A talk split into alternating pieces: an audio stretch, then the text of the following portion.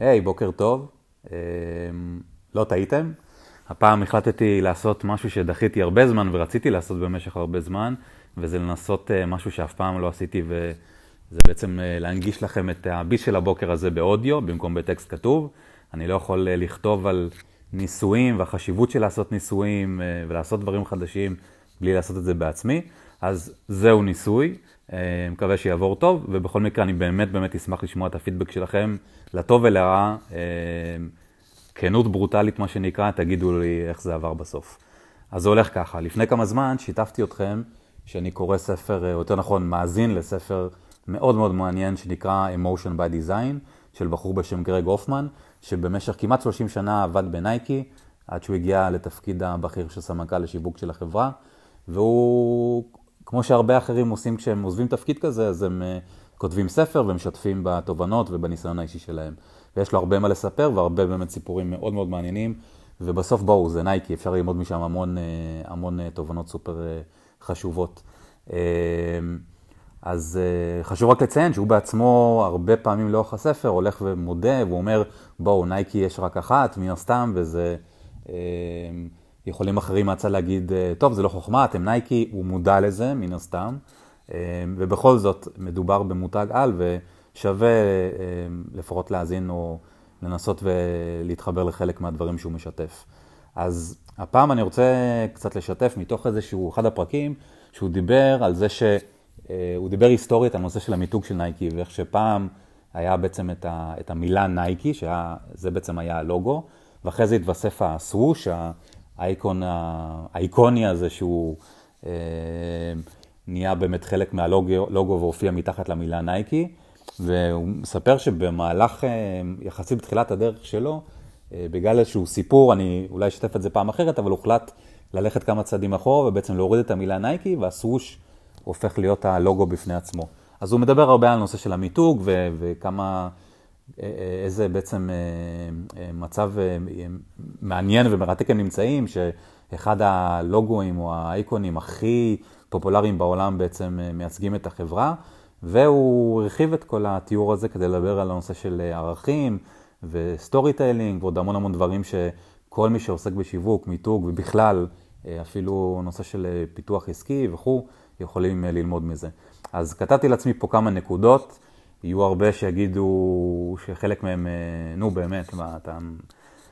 זה באמת אה, נשמע כמו קצת אה, Buzzwords, אז יכול להיות, אבל מספיק שתיקחו אפילו נקודה אחת מתוך הרשימה הבאה, ומבחינתי עשיתי את שלי. בעיניי בכל מקרה זה מאוד מעניין. אז זה הולך ככה. קודם כל הוא מדבר על הנושא של הלוגו. אז הוא אומר, הלוגו זה, זה, זה בסוף אמצעי, זה לא מטרה, כן? הרבה חברות עושות מיתוג וחושבות שמדובר בלעשות עיצוב של... אה, לוגו, או לא משנה אם זה לחדש, או לעשות חדש, או לעשות יש מאין, אה, סליחה, ולעשות אה, קצת צבעים יותר יפים, אבל בסופו של דבר, שוב, זה רק אמצעי, זאת לא המטרה. והוא אומר שהלוגו מבחינתו זו חותמת ויזואלית בלבד. מאוד חשוב, אבל צריך לקחת את זה גם בפרופורציות. יש עוד הרבה מסביב שצריך להשקיע בו. והוא אומר שבסופו של דבר הלוגו, האספירציה של כל מותג ושל כל לוגו, זה להגיע למצב שהוא כל כך מזוהה וכל כך אה, יוניקי, ש, שהוא בעצם מעביר ב visual שלו את כל הערכים ובעצם סוחב על הכתפיים שלו את כובד המשקל של המותג. בכל סוג של אינטראקציה שנעשית מול העולם כולו בעצם, גם מול הלקוחות כמובן, אבל גם שותפים, גם אה, אה, מתחרים אפילו, תקשורת, הכל. זאת אומרת, זה לא רק מה שמופיע באתר או באיזושהי פרסומת, זה כל פוסט שמעלים וכל פיסת תוכן והאריזה ו... ו- מכתב, הכל כולל הכל. אז שוב, לוגו מאוד חשוב, אה, אבל זה רק נדבך אחד, וצריך לקחת את זה בחשבון. נקודה שנייה שהוא מדבר עליה, הוא קורא לזה התמונה בתוך המסגרת. והוא אומר שהמותג היא בעצם סוג של מסגרת שהיא מגדירה כל מפגש ואינטראקציה שיש למותג עם ה... שוב, עם כל העולם בעצם. שוב, זה אומר הלקוחות, אה, שותפים, מתחרים וכו'. והתמונה היא בעצם ה, ה, איך, איך, איך כל העולם הזה, בואו נקרא לזה אה, לקוחות שפשוט יהיה יותר קל, איך הלקוחות בעצם תופסים את המותג. אה, זה בעצם השם של המותג, השם של החברה אה, בחוץ ואיך היא נתפסת בעיני אחרים, לטוב ולרע דרך אגב. וזאת בעצם הבמה, שבעצם, הבמה, המקפצה, שבעצם מהווה את הבסיס לכל סוג של אינטראקציה. זאת אומרת, שוב, לטוב ולרע, אם מותג נחשב או נתפס כטוב, אז אחר כך, בדרך כלל, כל סוג של אינטראקציה היא מתחילה מנקודת מוצא מאוד חיובית וטובה, וכמובן זה הולך גם לכיוון השלילי, וכמובן, כמובן שהחיים קצת יותר מורכבים ויש עליות וירידות. אבל צריך לזכור את זה. כשלקוח בסופו של דבר שומע או רואה בחצי שנייה את הלוגו או איזשהו מסר שאנחנו מנסים להעביר, בסופו של דבר זה, אה, זה, זה, זה, לא, זה לא בא אה, מוואקום, יש איזשהן אה, הנחות יסוד מוקדמות, וצריך להבין את זה גם. נקודה שלישית, הוא קורא לזה תספורות הן חשובות. עכשיו, נייקי, הוא מדבר כמובן על כל הנושא של הספורט והעבודה עם ספורטאים, שזה עולם מרתק בפני עצמו, אבל הוא התייחס, הוא נתן יותר נכון דוגמה לגבי הנושא הזה של הכדורגלני על, שבמיוחד בתקופה של של אה, המונדיאל וכל מיני אה, טורנירים מאוד מאוד אה, מפורסמים וגדולים, ושזוכים להרבה חשיפה, אז הרבה מהשחקנים, באמת ה A-list, הטופ של הטופ, אז כל פעם עושים כל מיני ניסויים עם תספורות.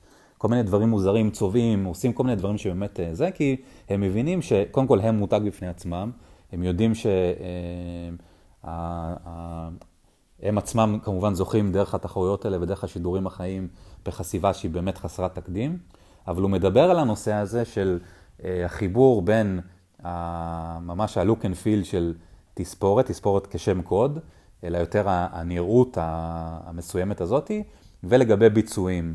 ומה שהוא אומר זה שסטייל וסגנון הם דברים שהם מאוד מאוד חשובים, אבל בלי ביצועים, רוצה לומר הביצועים של אותם שחקנים שהם באמת הכי טובים שיש, אז הם, פשוט נשכח אותם מהר.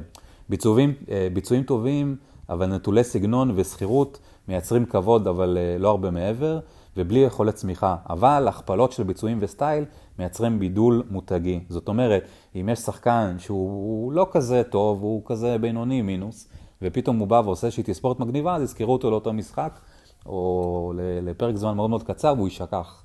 אמ, ומצד שני, שחקן שהוא אולטרה פופולרי, והוא נחשב ה-A-ליסט, אבל יש לו ביצועים טובים, אז כמובן שיזכרו אותו ויכבדו אותו, אבל בוא נגיד מישהו אחר באותו מצב שהוא גם זה, אבל גם מייצר איזושהי, איזושהי, איזשהו בידול או איזושהי בולטות, יזכרו יותר יותר. וזה אותו דבר לגבי המותגים עצמם. זאת אומרת, דברים שהם שייני כאלה והם Buzzword או כאלה, או אה, פעולות יח"צ, בלי ביצועים, בלי ערך אמיתי, זה חסר, אה, זה בדיוק זה, זה חסר ערך וישכחו את זה מהר. ומצד שני, חברות שעושות המון ערך, אבל לא אה, אה, יודעות אה, למצוא את השפיץ ולשווק אותו ולהרים אותו ולמנף אותו, אז גם הם בסוף יאבדו מעצומת לב בהשוואה לאחרים. נקודה נוספת היא, עצבו את התפאורה. אז הוא אומר שמותג צריך לחשוב על עצמו כמו על הפקה של סרט. מה המסגרת של הסרט? זאת אומרת, מה הקונטקסט של, ה, של הסיפור שאותו מספרים?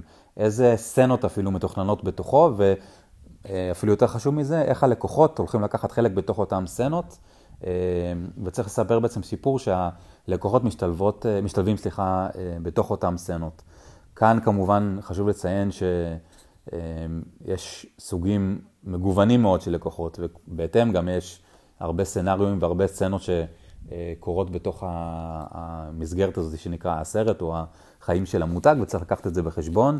אני יכול רק לשתף ככה באנקדוטה פה אה, בשבוע שעבר היה לי שיחה עם אה, כל מיני אנשים מהעבודה, ופשוט גיליתי אה, דרך איזשהו לקוח שדיברתי איתו, והוא סיפר איזשהו סצנריו, צרכני כמובן, שבחיים לא הייתי מדמיין אותו, וברגע שהוא סיפר, אמרתי לעצמי, זה מדהים איך אתה כל הזמן לומד מהשטח, מהלקוחות, והם יכולים לשים זרקור על איזשהו זווית מסוימת, או צורך צרכני מסוים, שאנחנו, בתור הצד של המותג, לא, לא תמיד חושבים עליהם. נקודה נוספת זה אה, פשטו בלי להתפשר. הוא, מסר... הוא מדבר הרבה על המשחק של ההוספה וההסרה, וכמה זה חשוב להדגיש את מה שבאמת הכי חשוב, ולהסיר או, או לדחוק, להדחיק הצידה, או לדחוק הצידה את הדברים שהם אה, אה, הם בעצם הטפלים, הם לא המשמעותיים. כמובן שמאוד מאוד קשה לעשות את זה, יותר קל להגיד, כמו הרבה דברים אחרים, אבל זה עושה מן הסתם הרבה שכל. מה שמתחבר בעצם לנקודה הבאה, שהוא כותב, או יותר נכון אומר, לפתח אובססיה לעשרה אחוזים האחרונים, שזה כל כך נכון בעיניי, ואני אסביר, הוא אומר, הפכו את הפרטים הכי קטנים להכי משמעותיים, כי אלה הדברים שבסופו של דבר מספרים את הסיפור האמיתי על מי שאתם, על מי שהמותג עצמו. סתם לדוגמה, זה הנושא של המיקרו-קופי, או כל מיני הפתעות קטנות שמשתלבות בתוך חוויית הלקוח או מסע הלקוח, או... זה, זה בסוף כל אחד אה, מכיר את זה מתוך איזשהו ממשק או איזשהו מוצר או שירות שהוא הוא או היא אה, חוו, אבל זה הדברים הקטנים בסופו של דבר, אלה שבדרך כלל נוטים אה, ככה, בגלל הקוצר זמן שכולנו נמצאים בו, להמית מרקם, אבל בסופו של דבר, העשרה אחוזים האחרונים הם בדיוק אלה שעושים את האימפקט, ובעצם, שוב, הכי משקפים את הערכים של המותג, הערכים האמיתיים. הוא מספר לי איזשהו סיפור קטן לגבי הפרסומות של נייקי, ויש כמובן הרבה פרסומות לאורך השנים, ועל החיבור בעצם של נייקי כמותג למוזיקה. אז הוא אומר למשל, אפרופו עשרה אחוז הקטנים, שהיה מאוד מקובל אה, להשתמש במוזיקה בקאברים, כי לקחת, אה, לפנות ל... ליוצרים המקוריים, זה היה חתיכת סיפור משפטי, וזה כמובן יקר וכל הדברים האלה, אבל הוא טוען, אני לא בדיוק, לא, לא יודע אם זה נכון, לא יכול לתקף את זה, אבל הוא טוען שהרבה אה, פעמים שילבו למשל את הביטלס ופנו ישירות ממי שנשאר מהביטלס, או באחד המקרים פנו ישירות ליוקו אונו כדי לקבל ממנה את, ה, את האישור. לפעמים זה לקח אפילו אה, המון שנים כדי לקבל את האישור הזה, אבל בסופו של דבר החיבור בין ספורט למוזיקה ומוזיקה שהיא מקורית, פשוט עשו אפקט שהוא אה, אה, זכיר באמת אה, כמעט לתמיד. אה, מה עוד אני יכול פה לספר? אה, כולנו לקוחות, אבל אה, כל אחד הוא אה, כאמור שונה, ויש לנו אמונות וערכים, ואפילו חולשות, ואפילו ניגודים, וזה מתחבר לנקודה מקודם שציינ, שציינתי לגבי הנושא של המנעד הרחב של סצנריואים ומסעות לקוח וסוגי לקוחות, וצריך לנסות להתייחס לזה ולפנות לכמה שיותר סגמנטים כאלה. זה בגדול, אני יכול פה עוד להמשיך עם כל מיני נקודות ממש קטנות שכתבתי, אבל אני אשאיר את זה באמת לפעם הבאה. אה, מקווה שנהניתם, מקווה שהניסוי הזה צלח ועבר טוב, ושוב, אני באמת, אני לא אומר את זה סתם, אשמח מאוד לשמוע מכם פידבק, אה, ואם זה יהיה טוב, אולי אה, נמשיך עם זה מדי פעם, אני אשבץ כזה ביס אודיאבל. שיהיה לכם אחלה יום, ואנחנו נשתמע.